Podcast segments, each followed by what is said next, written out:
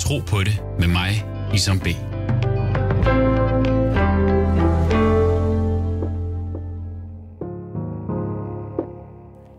Mit navn er Isam. Jeg er mange ting. Ægtemand, bror, ven, far, tidligere folkeskoleelev og troende. Troende muslim. Jeg tror på Gud. Hvad tror du? Mine forældre valgte, at jeg skulle gå i folkeskole og ikke en privat eller friskole med afsæt i vores tro eller modersmål. Jeg forstår dog udmærket, hvorfor nogle forældre vælger disse skoler frem for den danske folkeskole. Som minoritet er det yderst essentielt at lære sit barn at begå sig blandt majoriteten, uden at glemme sin tro, sit sprog og sin identitet. Men hvordan griber en skole troen og identiteten an i dagens Danmark? Hvordan balancerer man mellem det værtslige og religiøse? Hvor stor er forskellen egentlig i forhold til folkeskolen? Jeg taler med Uri Krivo, skoleleder på Karolinskolen, om tro og skole. Du lytter til Tro på det med Isam B. Uri Krivo, skoleleder på Karolinskolen. Uh, tak fordi du vil være med her i programmet. Uh, fortæl mig lidt om din baggrund. Min baggrund er, at jeg er født og opvokset i København af to jødiske forældre. Øh, jeg er selv gammel elev her på Karolineskolen, og er sådan set vokset op inden for murene, kan man sige. Jeg har øh, det meste af mit liv øh, beskæftiget mig med med det jødiske samfund, både som barn og som ung, og også nu som voksen i mit arbejde som første mange år som lærer på Karolineskolen, og nu som, som skoleleder. Så øh, det her har fyldt rigtig meget i mit liv, det at være en del af det, af det jødiske fællesskab. Hvordan er du selv øh, opvokset? Jeg tænker med dine forældre øh, i forhold til øh, deres tro og opdragelse. Hvordan har det været? Altså, jeg er umiddelbart opvokset i et hjem, som øh, ikke har været religiøst, øh, men som har været traditionelt, om jeg så må sige. Øh, begge mine forældre er selv vokset op i øh, kan man sige, jødiske familier, men ikke religiøse som sådan. Og jeg tror, det er vigtigt, kan man sige, at øh, det at være jøde, det har ligesom to dele i sig, kan man sige. Der er den religiøse del, og så er der øh, tilhørsforholdet til det jødiske folk, og den identitet og det fællesskab, øh, der ligger i det. Øh, da min øh, ældre bror og jeg begyndte at gå i skole, der øh, besluttede mine øh, forældre, at vi øh, derhjemme skulle begynde at overholde de jødiske spiseregler og holde kosher. Og det var egentlig ikke et religiøst øh, valg, øh, de to, men egentlig et udgangspunkt i, at for at være en del af det her fællesskab, så skulle vores hus være åben for alle. Både dem, der overholdt de jødiske spiseregler, og dem, som ikke overholdt. Og det tror jeg egentlig er meget sigende for den opvækst, jeg har haft øh, Øh, i forhold til det jødiske. Øh, det har været det her med det fællesskabet, øh, der har været det vigtige når vi gik i synagogen øh, om lørdagen, så var det sådan set ikke med et religiøst udgangspunkt, men det var for at være en del af det fællesskab og møde folk, møde venner øh, og være en øh, del af tingene. Og når man så kom hjem, så øh, var det videre til, til fodboldkampene og kan man sige det normale liv øh, ved siden af, som man ellers ikke normalt gør på, på sabbaten øh, øh, om lørdagen. Så jeg tror, jeg voksede op meget med det her med værdierne, der ligger i det her jødiske, og især det her omkring fællesskabet, og det at være en del af en øh, minoritetskultur, og de værdier, positive værdier, der, øh, der ligger i det. Så på den måde, øh, så har jeg, er jeg vokset op i et jødisk hjem, og, og hvor også, kan man sige, tilhørsforhold til, kan man sige, til Israel og så videre, jo også har været en del af det her jødiske fællesskab, øh, som ikke har været baseret så meget på, på det religiøse. Vi har haft, kan man sige, traditioner, når der har været jødiske helligdage, så øh, har vi haft øh, familie, som det nu er kutyme, og vi har også sagt de rituelle ting, der skulle siges og gøres osv.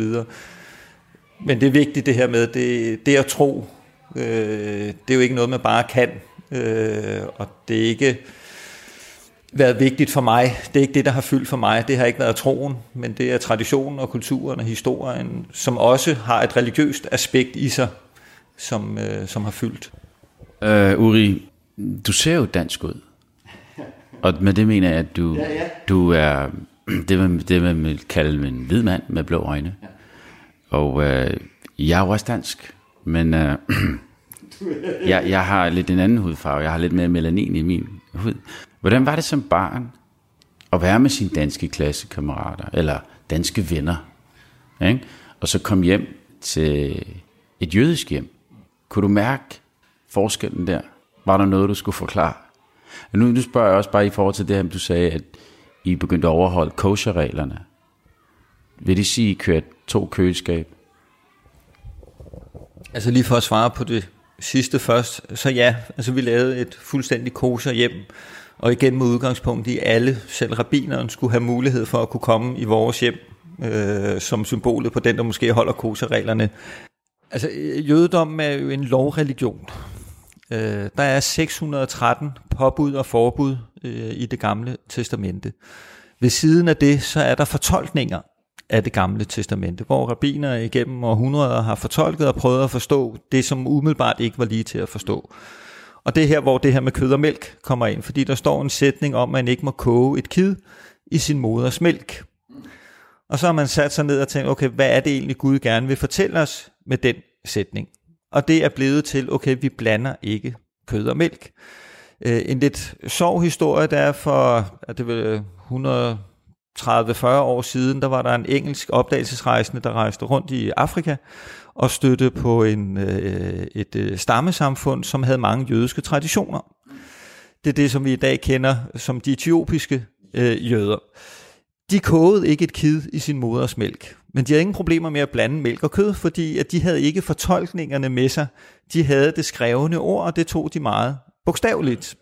Øh, så på den måde kan man sige, og det kan godt være, når mine dage er om, og jeg skal op og møde øh, øh, hvor herre, at han siger, det der, det havde du slet ikke behøvet, det var ikke det, jeg mente. Men det er jo noget af det, der er med til også at danne identiteten. Kan man sige, det at være anderledes, eller have andre traditioner, det er jo også det, der giver mangfoldigheden. Øh, og jeg holder også kosher i dag, men gør det ikke af religiøse grunde som sådan, men jeg, dels er jeg vokset op med det, og dels er det noget, jeg synes, der styrker min jødiske identitet, netop at have den der forskellighed. Jeg går ikke bare ud på en restaurant med mine danske venner og bestiller hvad som helst. Jeg gør mig lige mine overvejelser, og det minder mig om, okay, jeg har også den identitet øh, i mig. Så jeg tror ikke på, at vi ikke at blande mælk og kød, at Gud synes bedre om mig. Øh, det er slet ikke det, der er, der er udgangspunktet.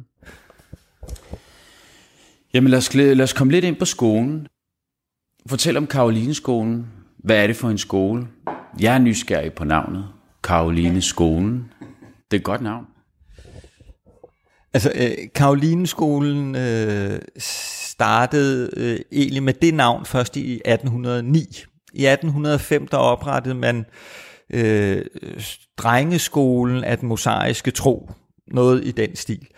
Øh, og det var egentlig ment som et integrationsprojekt for at integrere øh, østeuropæiske jøder, der var kommet til, til Danmark. Og den blev egentlig oprettet at, at, øh, af familier, som havde været i Danmark igennem kan man sige 100 øh, til 200 år. Og dels så ønskede man at få integreret de her fattige øh, jødiske børn, der ellers bare løb rundt i gaderne og lavede øh, ballade. Og bagved det ligger der også, kan man sige, øh, Øh, bekymringen om, var det noget, der ville skabe antisemitisme i det danske samfund. Altså vi er jo enormt heldige øh, af øh, den jødiske historie i Danmark jo i den grad ikke er beskæmmet af antisemitisme, som man har set, står set i resten af Europa.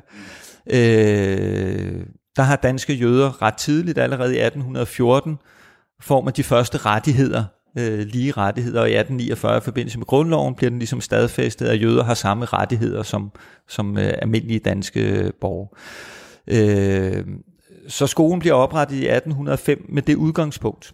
Og i den balance, at det handlede ikke om at assimilere dem, men at integrere dem. At man både havde det jødiske, men også at man fik danskheden. Og man havde en idé om, at igennem uddannelse, det var ligesom første skridt til at blive en del af det danske samfund. Øh, I 1809, der opretter man så en pigeskole. Øh, og det er pigeskolen, der kommer til at hedde øh, Karolinskolen. Og det gør den, fordi at man søger tilladelse hos kongen for at få lov til at oprette denne her skole. Og for at i taknemmelighed over for kongen, så opkalder man skolen efter en af hans døtre, prinsesse Karoline. Så det er derfor, at den har navnet, som jo kan man sige ikke har nogen jødisk tilknytning overhovedet, øh, og det er et navn, man så har, øh, har bibeholdt. Øh, og de skoler fungerer, kan man sige, helt frem til, øh, til øh, 1943, øh, hvor den øh, tyske besættelse og jødeaktionen og øh, størstedelen af de jødiske øh, borgere i Danmark heldigvis øh, lykkedes at komme til, til Sverige. Og efter krigen beslutter man sig så for at lægge de to skoler sammen og gøre det til en fælles skole under navnet Karolinskolen. Øh, sidenhen kan man sige, har skolen jo stadigvæk haft kan man sige, det her integration i sig, øh, fordi at øh, i slutningen af 60'erne, der kommer der en bølge af polske jøder, øh, som bliver mere eller mindre smidt ud af, af Polen på grund af antisemitisme. Der er en del af dem, der kommer til, til Danmark, og her kommer skolen også til at spille en rolle, også i integrationen, både i det jødiske samfund, men også i det danske samfund. Øh, I starten af 80'erne kommer der øh, nogle russiske øh, jøder, øh, som også kan man sige, går ind i det her integrationsproces, i hvert fald nogle af dem, kan man sige, igennem øh, Karolinskolen. Så på den måde har det været noget, der har fulgt skolen igennem øh, alle årene, at den her dobbelthed i både at gøre eleverne, så at sige, danske, men beholde også sin øh, jødiske identitet. Man kan sige, at i moderne tid, øh, så er det måske vendt lidt på hovedet. Øh, vores elever i dag øh, er ikke i tvivl om, kan man sige, danske traditioner, om det så er øh, kristne eller hvordan. Øh, det er de helt med på. Øh, de fleste af vores elever øh, er blandede ægteskaber, har en jødisk mor eller far, en ikke-jødisk mor og far, så de har ligesom begge øh, verdener.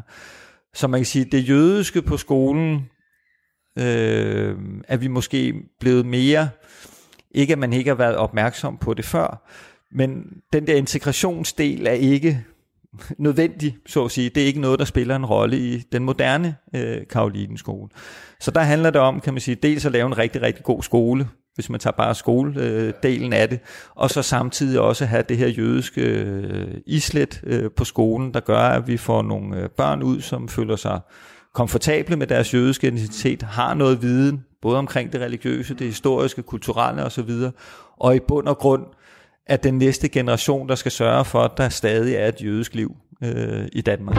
Du lytter til Tro på det med mig, Isam B. Jeg kommer lige i tanke om, når du snakker om øh, de polske øh, jøder, der kom hertil i 60'erne, og de russiske, der kommer til i 80'erne. Øh, din egen baggrund, Uri, hvad er det? Jamen altså, min, min egen baggrund er sådan helt traditionelt øh, jødisk, forstået på den måde, at øh, min familie kommer fra øh, Østeuropa, fra øh, Hviderusland, fra Ukraine, fra øh, de baltiske øh, lande. Min oldefar, han øh, var fra Ukraine, og øh, da han øh, og hans bror blev øh, store teenager, der var det sådan, at øh, Saren indkaldte øh, en del af de unge jøder til at skulle aftjene værnepligt i, øh, i Sarens her. Faktisk med et udgangspunkt i at assimilere dem. Øh, og de øh, blev gerne kaldt ind i både 10, 15 og 20 år. Øh, og blev gerne sendt meget, meget langt væk, i håb om, at så ville de nok glemme deres øh, jødiske rødder. Øh, min oldefar og hans bror besluttede, det havde de ikke så meget lyst til. Så øh, de gik øh, og tog afsted fra Ukraine og endte så øh, i Danmark. Øh, planen var egentlig, at de ville videre til øh, Amerika. De havde kun råd til én billet, så det blev min oldefars bror, der øh, åbenbart vandt øh, lodtrækningen om den, eller tabte, det ved jeg ikke.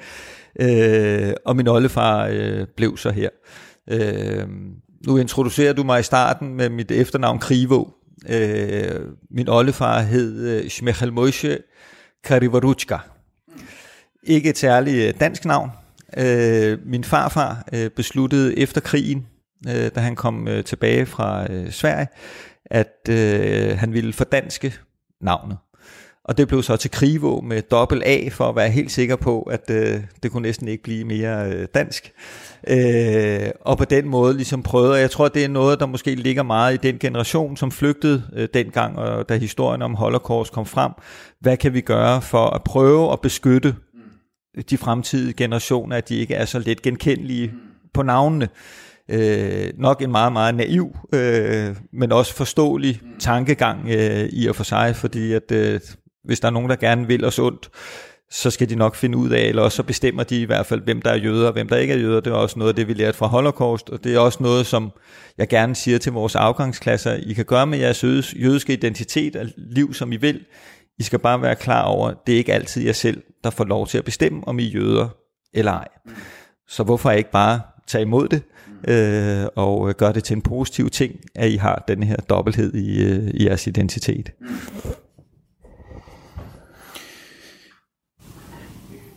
Med alt det, du fortæller nu, også i forhold til din egen baggrund, hvad er skolens mission? Og hvordan værner den om børnene i forhold til at skulle gå ud og møde verden? Og jeg kan se, at når man skal herind, så skal man også igennem en, øh, en, masse, en masse tjek. Skolens mission der, og hvordan tager børnene det her?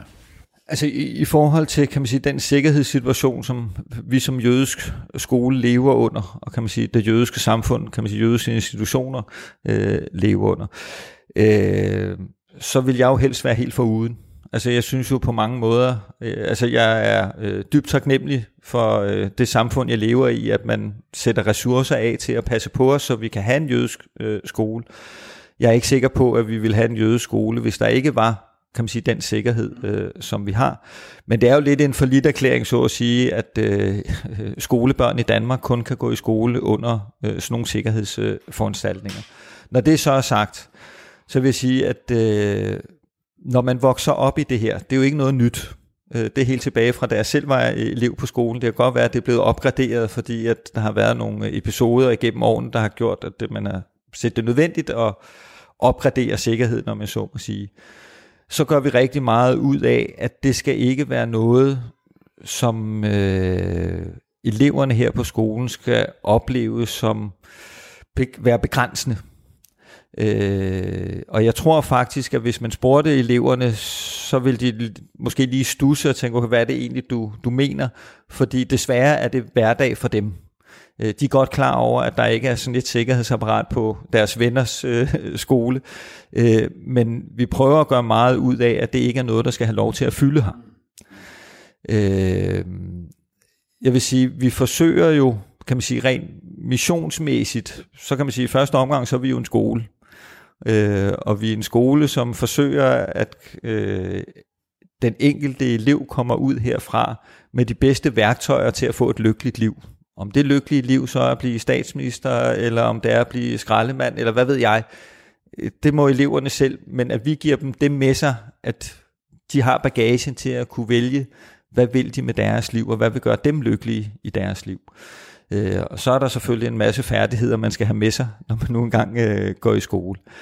Øh, vi har de senere år arbejdet meget med at gøre øh, skolen her til noget virkelighedsnært, og tage udgangspunkt i, i virkeligheden, og ikke side 17 i matematikbogen, så skal vi have om brøker. Vi lærer brøker, når det giver mening, og i en sammenhæng, som gerne skulle give mening øh, for eleverne. I forhold til det jødiske, øh, så er missionen jo i bund og grund, kan man sige, at, øh, at vores elever er rustet til at øh, have denne her dobbelt identitet med sig. Øh, og også være rustet til at øh, en gang imellem også blive konfronteret med mennesker, som ikke synes, det er okay.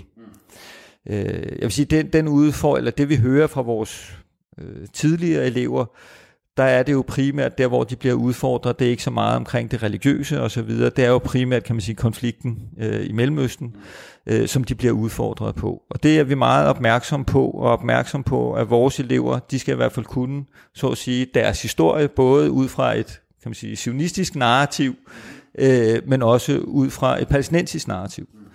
Øh, og det gør vi meget ud af, fordi vi synes, det er vigtigt, at ligegyldigt, kan man sige, hvilken situation man står i øh, i sit liv, der skal man kunne se ting fra mere end en side. Der er ikke noget, der er sort og hvidt her i livet, så det er jo, kan man sige, en menneskelig egenskab, som man skal tage med sig. Her bliver det bare meget tydeligt, fordi at stort set alle vores elever bliver konfronteret omkring lige præcis øh, det emne, når de øh, forlader skolen. Og for mange er det lidt et, ikke et chok, men kan man sige, det er en ny tilværelse, der åbner sig. Her er man gået på en lille, tryg øh, skole. De fleste af eleverne kender jo hinanden. Der er fædre og kusiner, og deres forældre har gået i skole sammen. Der er masser af tilknytning til hinanden, der skaber et godt og trygt miljø til at komme ud på et gymnasium med 1500 elever, hvor man stort set ikke kender et øje, og man ligesom skal genfinde sig selv, og samtidig have den her identitet med sig, og være tryg i, jamen der er måske nogle ting, jeg gør anderledes end i andre. Nej, vi har ikke et juletræ, vi har nogle andre traditioner hjemme hos mig. Jeg tænker, der går ikke ikke jødiske elever her. Det kommer alt, helt an på, hvordan man definerer det at være jøde. Øh, den religiøse definition, det er, at hvis man har en jødisk mor, så er man jøde. Her på skolen, der har øh, alle eleverne enten en jødisk mor, eller en jødisk far. Øh, men nej, øh, hvis jeg må sige, herre og fru Hansens børn, så at sige, øh, nej, øh, de går her ikke. For at være elev på Karolineskolen, så skal den jødiske forældre kunne være medlem af det jødiske samfund.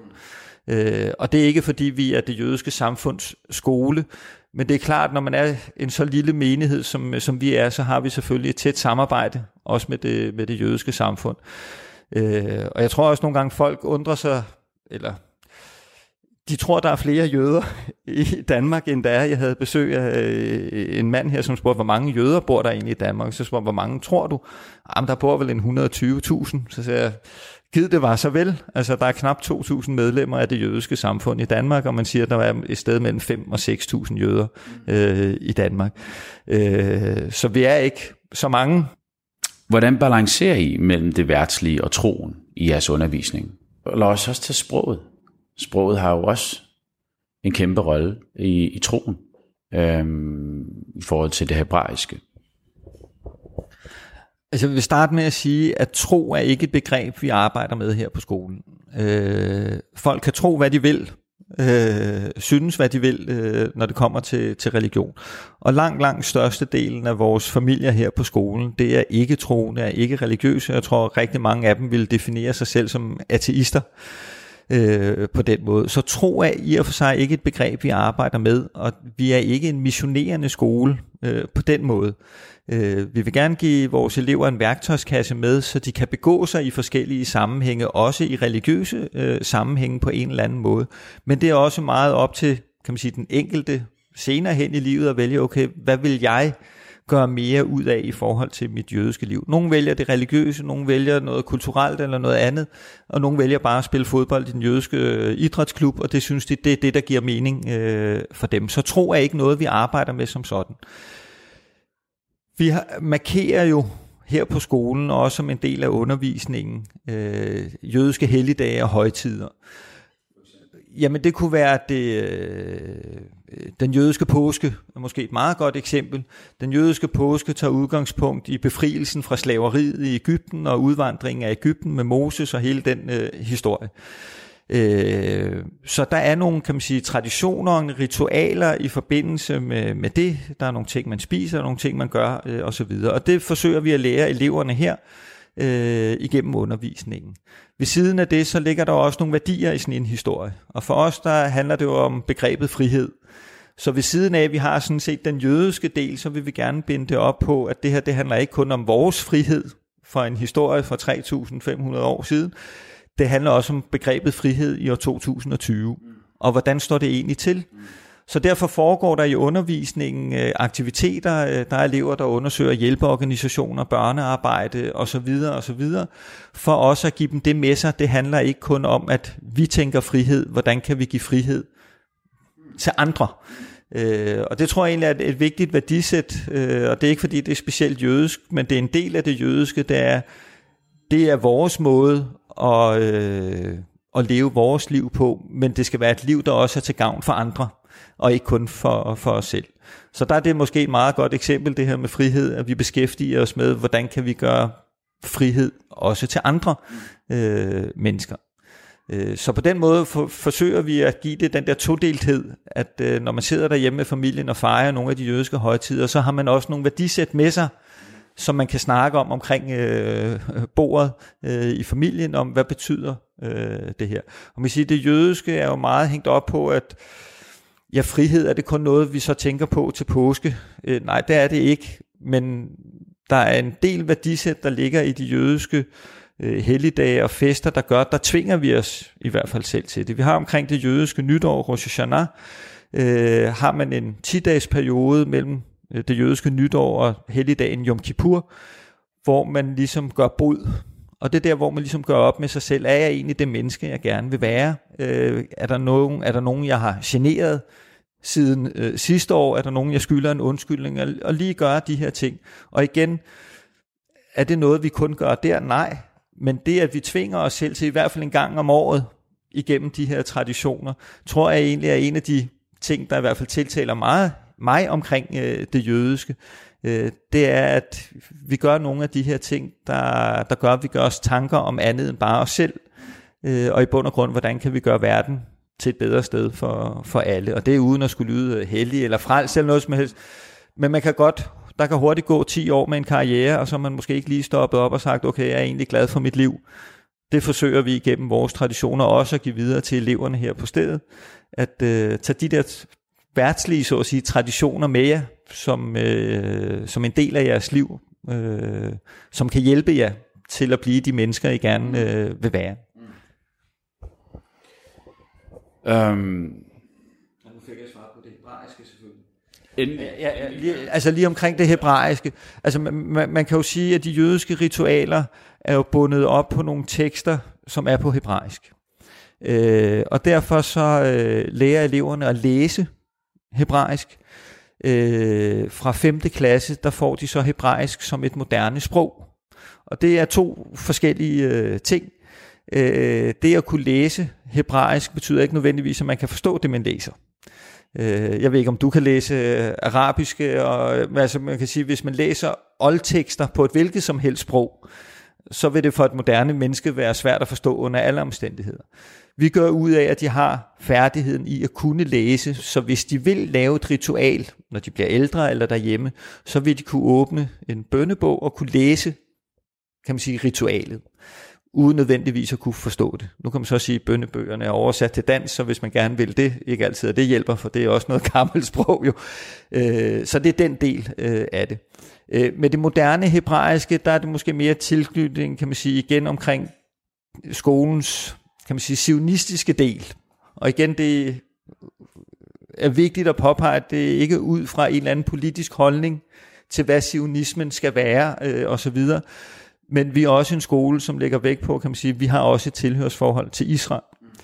Øh, og derigennem, der øh, har vi moderne hebraisk. Øh, de ældste elever tager på en tre ugers studietur til Israel, øh, for at lære landet bedre at kende. Jeg vil sige, i dag de fleste af eleverne har været i Israel. Da jeg selv var elev, der var det en stor oplevelse. Det var nærmest første gang, jeg kom til Israel. Det var igennem min øh, skoletur og så videre.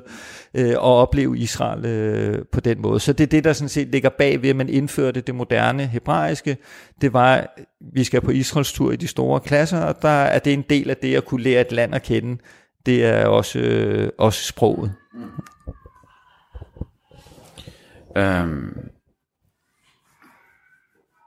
jeg kom lidt i tanke om før, da du snakkede om jeres øh, traditioner her på skolen i forhold til jeres højtider. Um, hvad gør I, når det er jul? Jeg tænker, I, I har så mange blandede elever, som jo også holder jul derhjemme. Hvad gør I her på skolen? Der øh, rammer du et meget, meget kontroversielt punkt. Lad mig sige, for det første, vi er en jødisk skole, vi øh, fejrer ikke jul, vi markerer ikke øh, jul. Øh, grund til, at jeg siger, at du rammer et, et ømt punkt, det er jo netop, at eleverne kommer jo fra hjem. Og øh, vi plejer øh, som regel at have det, vi kalder øh, nissehue øh, debatten øh, hvert år, fordi der jo selvfølgelig også er børn her, og de følger med i julekalender og alt muligt andet, øh, og kommer med nissehue på. Prøv, vi har et meget, meget afslappet øh, forhold øh, til det, og er helt med på, at eleverne kan man sige, har den her dobbelthed. Men samtidig vil jeg også sige, vi har også familier, som ikke føler, at de har, ikke at de ikke har andre valg, men at de vælger Karolineskolen, fordi det er den eneste jødiske skole, de kan vælge, og de ønsker, at deres børn får en jødisk opdragelse også igennem deres øh, skolegang, og at det her ligesom skal være, øh, uden at det skal lyde forkert, øh, altså lidt et frirum fra, kan man sige, påvirkningerne i forhold til, kan man sige, traditioner og så videre. Så derfor er det, kan man sige, øh, nogle gange et lidt ømt punkt, at der er nogen, der synes, det er lidt ærgerligt, at der måske er øh, elever her, som går med, kan man sige, julesymboler, øh, hvor de måske ønsker at sige, men tag nissehuen på, når når du går hjem, eller inden du kommer, så lad os gøre det her til et jødisk sted, øh, og med jødiske symboler. Og så kommer diskussionen altid, fordi hvor meget har jul egentlig med kristendom og Jesus at gøre, alle de her ting, og det kan vende og dreje sig, om det så er øh, Halloween og alle mulige andre, kan man sige, tre, kristne traditioner, som vi jo har taget til os som samfund, uden egentlig at tænke over det, har i bund og grund ikke noget som helst med kristendom eller religion øh, at gøre.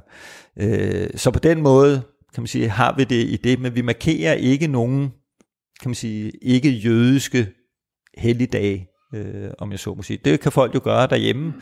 Vi sidder heller ikke og fletter julehjerter øh, ned i øh, skolefritidsordningen øh, osv. Der laver de alt mulige andre kreative ting i forbindelse med de jødiske øh, helligdage.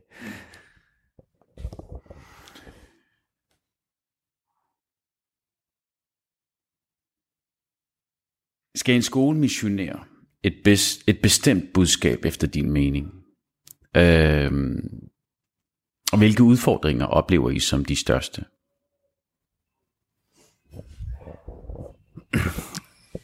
Altså for at svare på det kort, så nej. Altså øh, i, i bund og grund, så kan man jo sige, at øh, jødedom er den eneste af de tre monoteistiske religioner, som ligefrem forbyder øh, missionering. Øh, jødedom er der tradition for at missionere blandt ens egne, om jeg så må sige. Øh, kan man få en jøde til at føle sig mere jødisk øh, på en eller anden måde. Øh, vi har ikke nogen, som jeg også sagde tidligere, altså missionerende øh, udgangspunkt i noget som helst af det, vi gør. Vi ønsker, at folk, man kan tage nogle valg i sit liv, bliver man også nødt til at have noget viden, og man bliver nødt til at have nogle øh, oplevelser, der gør, om, så man kan mærke efter, at det er noget, der giver mening for mig øh, i mit liv. Så nej, øh, altså det, det har vi ikke. Øh, hvad var det andet? Nå, altså man kan sige, at det der er en udfordring øh, for os, øh, det er jo, at vi er den eneste jødiske skole. Det vil sige, at vi skal fagne meget, meget bredt, når det kommer til det jødiske. Altså, øh, vi skal både øh, være respektfulde over for, kan man sige, de ateistiske, vi skal også være respektfulde over for de meget ortodoxe. Man kan sige, at i større jødiske menigheder, der er der jo mere end en skole, så kan man jo vælge den skole, man synes, der passer til ens eget. Og det der er en udfordring. Øh, det er da også en udfordring, at, øh, at efter min mening, der er for mange familier, som ikke vælger Karolinskolen, og som ikke synes værdien i det at være en del af det her fællesskab også. Og det er jo klart, det er jo noget, der for, for, for alle små skoler jo i sidste ende, kan man sige, kan koste os livet. Øh, til gengæld har det også sådan, at hvis, kan man sige, de jødiske familier, der er i Danmark, ikke synes, det er vigtigt nok at have en jødisk skole, jamen så skal der ikke være en jødisk skole. Det bliver i hvert fald ikke med mig som skoleleder, så må de finde øh, en anden. Øh, men det er da selvfølgelig en udfordring. Øh, og også fordi vi er en skole, som jo har gennemgået, efter som vi er sådan en gammel skole, så er der også rigtig mange historier om, ja, men dengang jeg selv gik der, øh, så var det sådan, og det kunne jeg ikke lide osv., men kære ven, det er 35 år siden, det kunne være, der var sket øh, noget andet. Så er det selvfølgelig også en udfordring i forbindelse med de blandede øh, ægteskaber, og det er ikke for at sige noget som helst dårligt om blandede ægteskaber, folk skal gifte sig med lige dem, de elsker, og vil dele deres liv med. Men det er klart, der bliver stillet spørgsmålstegn om skolevalget på en anden måde. Øh, kan man sige, mine forældres generation, øh, jeg plejer at sige, at mine forældre havde sendt mig på Karolinskolen, om det så var den dårligste skole i hele landet, fordi for dem var det vigtige, det var at være en del af det her fællesskab. Når man har et blandet ægteskab, så øh, er det klart, så bliver der stillet spørgsmål fra den ikke-jødiske part. Ønsker vi at have et jødisk hjem? Ønsker vi, at vores børn kommer hjem med traditioner, som jeg som forældre ikke kender noget som helst til? Bliver jeg fremmedgjort i forhold til mine børn? Øh, og hvad foregår der egentlig over på, på den her skole? Og der er vi også, kan man sige, den udfordring, når vi har besøg af forældre, øh, som gerne vil komme og se skolen og overveje, om de skal sende deres børn her, så ser man jo nogle ting med danske øjne og totalt uvidende omkring jødisk tradition og så videre, hvor man tænker, okay, det er godt nok et religiøst sted det her. Vi har tradition for, at drengene har kalot på, når vi spiser. Det er en tradition, og igen, det handler ikke noget om, at der er nogen, der skal føle, at det påtvinger vi dem eller noget. Ja, øh, men når man kommer udefra og siger, okay, de sidder med kalot på, altså, øh, det er jo et religiøst symbol og et tegn på, at man er meget ortodox og så videre og så videre, så siger man, okay, mine børn skal ikke gå på en religiøs skole. så det er rigtig svært at få kommunikeret, kan man sige, hele den værdi i, at kan man sige, ja, det kan godt være, at der er nogle ting, som kan se religiøse ud, men som ikke fra skolens side er ment som altså en religiøst øh, tvang til, til noget som helst, eller et forsøg på at påvirke, hvordan I skal leve øh, jeres liv. Men for den ateistiske dansker, der vil mange af tingene blive opfattet som, okay, det skal mine børn i hvert fald ikke øh, være en del af. Og det tror jeg, at måske mange, kan man sige, friskoler, som er baseret på et religiøst udgangspunkt i en eller anden øh, forstand, må være udfordret med, når det kommer til de her blandede øh, ægteskaber. Jeg vil da også sige, hvis jeg havde været gift med en muslim eller en meget troende kristen, så vil jeg da måske også lige, okay, er det nu også nødvendigt? Altså, øh, det må vi vel klare herhjemme og tage ansvaret for. Øh, de skal vel bare være glade for at gå i skole, så kan de ikke bare gå i den normale, der ligger lige rundt om hjørnet. Og det er jo også igen noget, altså i forhold til geografi og så videre. Vi har jo børn, der kommer, ikke at de kommer langvejs fra, men de bor jo ikke lige rundt om hjørnet, som de gør på en kommuneskole. Så forældrene skal tage nogle meget bevidste valg, også sådan helt lavpraktisk. Kan vi få det til at passe med, at vi skal tidligere hjemmefra og aflevere på arbejde og hente og alle de her ting? Øh, børnene kan ikke lige gå rundt om hjørnet til en øh, klassekammerat, fordi klassekammeraten øh, bor øh, langt væk og alle de her ting. Så der er nogle helt lavpraktiske ting, som forældrene også skal tage med. Men det er da klart, vi er der udfordret, og jeg synes, det er død ærgerligt, fordi jeg synes faktisk, og det skal jeg måske sige, men jeg synes det faktisk fra hjertet, at vi har en sindssygt god skole, og vi har øh, rent jødisk øh, et, et sted her, der gør, at vi får nogle elever ud, som jeg jo synes er beriget med så meget mere, end man ville kunne få ved at gå i en almindelig øh, folkeskole. Jeg er nysgerrig igen. Øh, hvorfor sidder drengene og spiser med en kalot? Altså det er... Øh, Prøv, øh, altså, øh, det, det gør de sådan set, fordi, og igen er det en tradition, og kan man sige et værktøj. Det er sådan, at når man, øh, før man spiser, der siger man en meget, meget kort bøn, øh, og når man har spist, så siger man også en, en bordbøn. Og man kan sige, i forbindelse med, at man gør religiøse jødiske ritualer, kan man sige, der er traditionen, at der har man kalot på. Så kan man tage den af bagefter, når man er færdig med det, og så løbe rundt øh, og, øh, uden den resten af dagen. Men det er sådan set derfor. Øh, det er fordi, den religiøse tradition er, at man tager kalot på, eller drengene tager kalot på i forbindelse med øh, religiøse ritualer. Altså vi siger en meget kort bøn, at vi er glade for, hvis der står mad på, øh, foran, øh, øh, på bordet foran os, og når vi har spisen, så takker vi for, at vi fik lov til at spise øh, maden.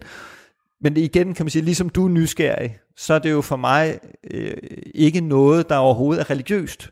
Men det er et værktøj, som børnene skal være klar over, er det i en religiøs sammenhæng og en del af et måltid, så er det det, der er traditionen. Og der er ingen børn, der får tvunget den øh, på hovedet. Øh, nu har vi ikke nogen børn, der ligger sig på gulvet og øh, øh, skriger, fordi de ikke vil have den på. Fordi det er jo noget, de er vokset op med her, at det er en del af traditionen. Der tror jeg, øh, altså det, det religiøse aspekt også går hen og bliver det menneskelige, når det er, man faktisk i tale sætter det her med, jamen, det er et spørgsmål om at være bevidst til stede og nyde sin mad.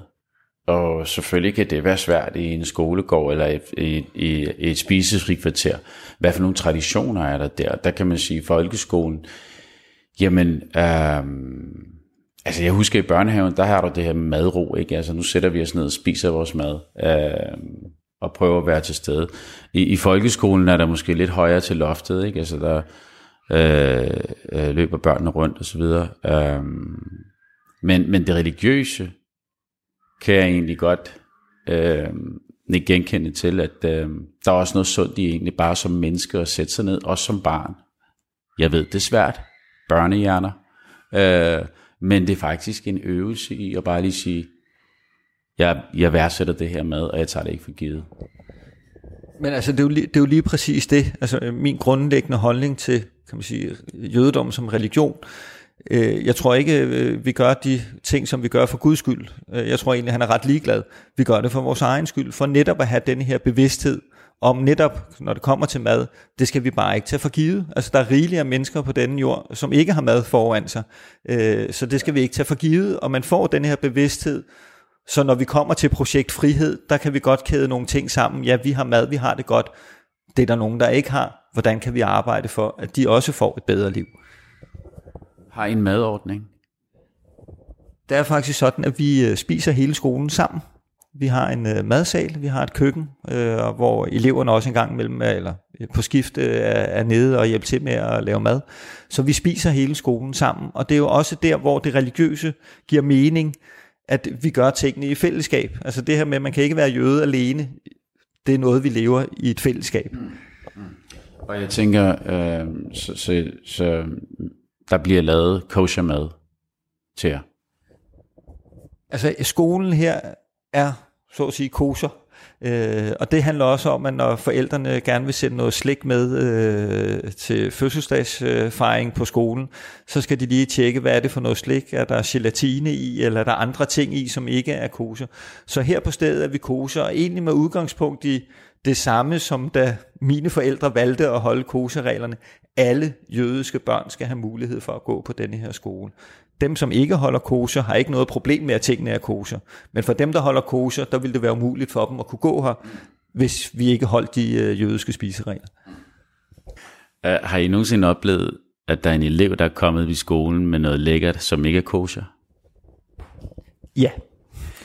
Uh, man kan sige, nu, nu har vi madordning. Før i tiden, der havde vi jo, uh, som alle mulige andre steder, kan man sige, der havde eleverne deres egne madpakker med. Forældrene er opmærksomme på og er blevet informeret om, hvad må de tage med, hvad må de ikke tage med. Og en gang imellem, så er der familier, hvor det har glippet, og kan man sige, som ofte, så sker det jo måske lige i starten, hvor at det er et ikke koser hjem, øh, mor eller far, den ikke-jødiske part, har måske ikke lige været opmærksom på, det var ikke lige det, vi skulle tage fra køleskabet i dag i madpakke. Men igen vil jeg sige, vi er meget, meget afslappet i forhold til det, fordi der er ikke nogen, der skal føle sig forkerte øh, så øh, ringer man lige op og siger, den så lækker ud, den skinkemad, øh, måske vi ikke skal have den med i morgen.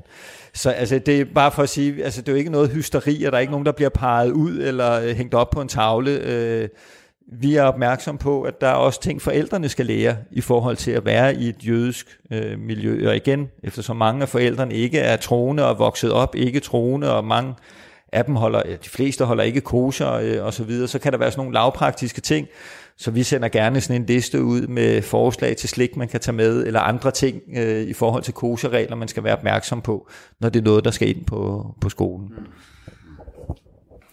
Tak fordi du lige afklarede det. Hvad er det største fællestræk mellem jer og andre skoler i landet? Øh, jeg tror faktisk, vi er unikke. Unikke forstået på den måde, at øh, det lykkedes os at lave en skole, som øh, både på det skolemæssige øh, udfordrer eleverne der, hvor de er, men samtidig også giver dem en masse, og måske det, der er allervigtigst, øh, det er noget livsduelighed.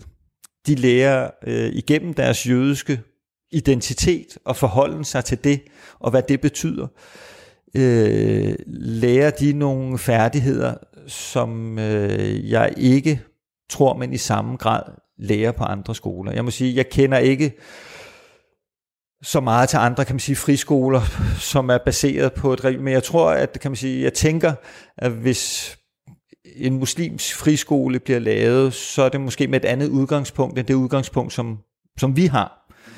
Øh, der fylder det religiøse måske mere, øh, tænker jeg, og det kan godt være, at det er en fordom eller et eller andet, men det er det, jeg tænker. Øh, de kristne friskoler øh, er måske også noget andet, fordi det er en del af et majoritetssamfund grundlæggende øh, osv. Så jeg tror egentlig på mange måder, vi er, er lidt unikke. Det vi har til fælles jo, det er jo, og det håber jeg, at der er alle skoler, der vi vil jo børnenes bedste. Øh, og få lavet nogle, nogle mennesker, som er til gavn for, øh, for, for vores samfund og for verden som sådan er med til at berige os alle sammen øh, på den lange, øh, lange bane. Livsduelighed, sagde du. Godt ord. Giv mig et eksempel på øh, øh, og, og nogle værktøjer, som, som I prøver at give til børnene. Altså det, det ligger jo meget i at, kan man sige, det, i, i den jødiske historie og de udfordringer, vi har haft kan man sige, gennem tiderne i forhold til forfølgelse øh, og så videre. Så sådan noget som omstillingsparathed, øh, det er jo noget, som vi øh, mere eller mindre har i DNA'et efterhånden, øh, men er jo også, kan man sige, en meget moderne ting. Altså vi lever i et samfund, som er omskifteligt. Nu har vi alt det her corona for eksempel, der har vi skulle være omstillingsparate og gøre os livsduelige med nogle helt andre forudsætninger, end vi er vant til osv. Og det mener jeg, det, det er jo en af de ting, som vi forsøger at give vores elever her, øh, igennem, primært igennem, kan man sige, det jødiske, og den her voksen op med, med to identiteter. Øh, så jeg tror på den måde også at kunne øh, modgang, møde modstand, øh, det er også en vigtig livsduelighed. Kan du nævne nogle fag, som gør jeg, altså hvor jeg vil sige, okay, jamen det, det er et unikt fag, som, som, som vi måske har, det gør vi her, og der tænker jeg selvfølgelig ikke på hebraisk eller noget, der er religiøst, men noget, som er det her fag, det har noget med livsduelighed at gøre. Men det er ikke bundet op på et fag. Altså jeg vil sige, vi har øh, livsduelighed som, som en af de overskrifter, som vi arbejder med. Øh, og det ligger ikke i noget fag, det er noget, der skal gennemsyre kulturen på skolen. At det er en af de ting, vi øh, gerne vil have, ligesom af fællesskabsfølelse, er også en ting, vi lægger vægt på, øh, at det skal eleverne tage med sig. Det må meget gerne være en af vores elever, der melder sig til elevrådet, når de kommer i gymnasiet, for at være en del af fællesskabet, for at tage ansvar og alle de her ting. Så det er de her livsdueligheder, som vi gerne vil give med dem, som jo ikke er jødiske med, på den, i, de, i den forstand, men er ting, som vi her på stedet har mulighed for at hænge op på. Jamen det er det, der også giver livsduelighed. Det er jo også at have en jødisk identitet, og de værdier og de traditioner og den historie og kultur, øh, der ligger bagved. Hvilke muligheder har I for øh, samarbejde med andre skoler? Jamen, altså, vi, vi samarbejder gerne med, med hvem som helst, vil jeg sige. Øh, vi har igennem årene haft øh, samarbejde øh, også med muslimske skoler, for at nedbryde nogle af de tabuer, ikke så meget måske mellem jøder og muslimer, men de tabuer, som andre synes, altså hvordan jøder og muslimer burde øh, have det sammen.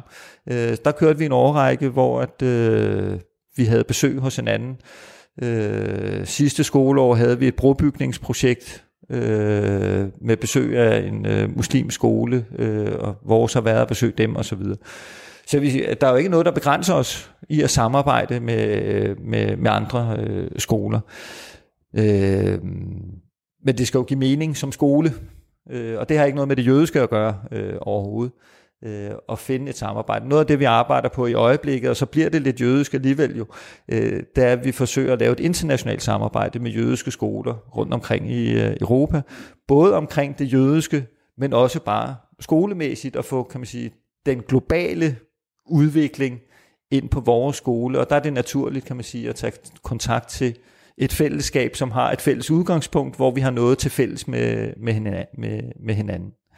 Nu har jeg jo besøgt jer i ja. øh, over i øh, synagogen et par gange.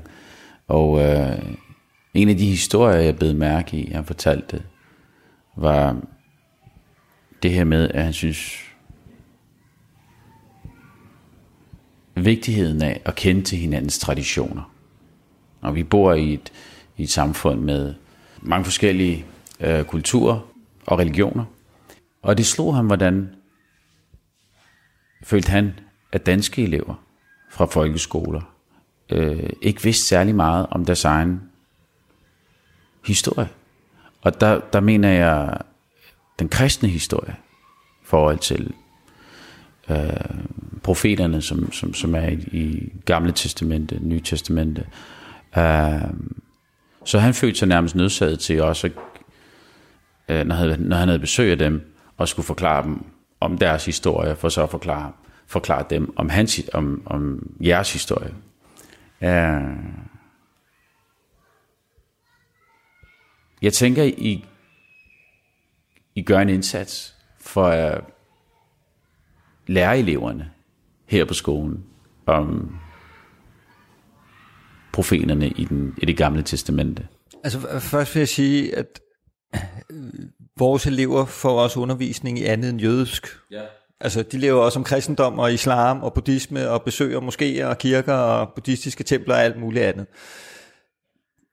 Jeg vil sige, at Jairs beskrivelse, synes jeg er meget rigtig.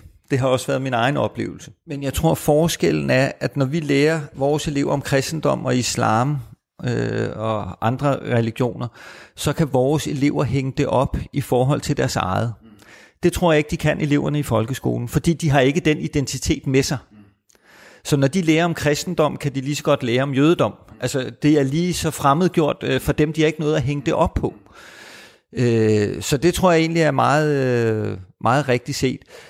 Øh, vi har jo igennem tiderne, kan man sige, diskuteret, skulle vi være mere udadvendte i forhold til, at vores elever skulle være en del af det at tage ud på skoler og fortælle om jødedom, for eksempel. Øh, vi har haft tanken, der er et jødisk museum. Skulle det være vores elever, der er guider for skoler, der besøger det jødiske museum øh, osv. Men det er også en balance, kan man sige, imellem at sige, hvad er vores ansvar som skole i og for sig? Altså, vores børn øh, går på den her skole, fordi de går i skole.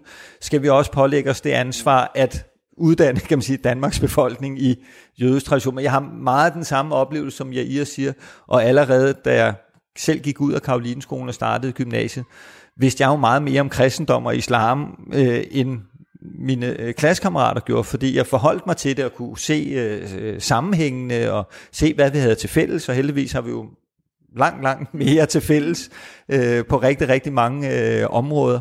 Øh, jeg vil sige, det er ikke en målsætning, vi har som skole, at vi også skal være informationscenter øh, til resten af, af samfundet. Vi tænker, vi sender små ambassadører ud herfra, når de forlader Karolineskolen, som er med til at sprede, kan man sige, viden omkring jødedom, hvis der er nogen, der spørger. Øh, igen tilbage til, vi missionerer ikke, så det er ikke noget, som de bliver sendt ud på en eller anden mission omkring, men de skal være parate til at kunne forklare det, og for at kunne forklare sin egen religion, skal man også have kendskab til andre ja. kulturer, religioner og historie. Hvad tænker du, der skal til for, for at øge sameksistens? Altså for det første, fra vores side af, har vi ikke et problem med sameksistens. Øh, vi laver jo en skole her igen med udgangspunkt, kan man sige, den jødiske tradition og værdisæt i, i og for sig, det er at se alle mennesker som ligeværdige mennesker, ligegyldig øh, hudfarve, religion øh, osv. Der, hvor vi bliver ramt på samme eksistensen, det er mere dem, der ikke vil samme eksistere med os. Øh, og tilbage til, kan man sige, der er en grund til, at vi har de her sikkerhedsforanstaltninger. Det er jo fordi, der er ikke nogen, der er nogen, der ikke ønsker den her samme eksistens. Øh, at vi skal være en del øh, af den. Øh, så jeg vil sige, for os er det ikke et issue, det er en naturlighed. At øh, for vores elever skal det føles helt naturligt, at samme eksistens, det er da en selvfølge. Øh, og igen, som jeg har sagt tidligere, hvis vi ikke har forskelligheder, øh, det er det, der beriger øh, vores samfund og vores liv, altså, så for mig giver livet ikke meget mening. Det er en kultur, og det er en værdi, som er naturlig for os som skole. Øh, og jeg ved ikke, hvor meget det lige er hængt op på det jødiske, men jeg tror stadigvæk på, kan man sige, at den historie, som vi har bag os, gør, at vi har altså et, synes jeg, og det er på min helt egen regning, jeg føler et større ansvar for, at der er ikke nogen, der skal udsættes for det, som ikke jeg personligt, men vi, vi som jødisk folk har været udsat for igennem århundreder. Og for at det ikke skal ske, så kræver det, at vi alle sammen er tolerante og er interesserede i, at vi har en samme eksistens med de forskelligheder, øh, som vi har. Og i bund og grund så handler det jo om, at det, som vi er mest bange for som mennesker, det er jo det, vi ikke kender noget til. Så det er da klart, at kan man sige, informationer, det at mødes, det at vi to mødes her, det er da det, der skaber samme eksistensen, og det er da den værdi og det miljø, vi prøver at skabe her, at vores børn også er parat til at møde alle øh, mennesker på en ligeværdig og respektabel øh, måde. Så er vi egentlig kommet ved vejs ende. Uri, øh, du skal have tusind tak for din tid. Øh, jeg læser en bøn op for og Luk og Sluk. Øh, den hedder sjov nok Lysets bøn, øh, som lyder, Gud, læg lys i vores hjerter, læg lys i vores sjæl, tænd for os lys i vores grave, forøg lyset i os, giv os lys på lys. Amen.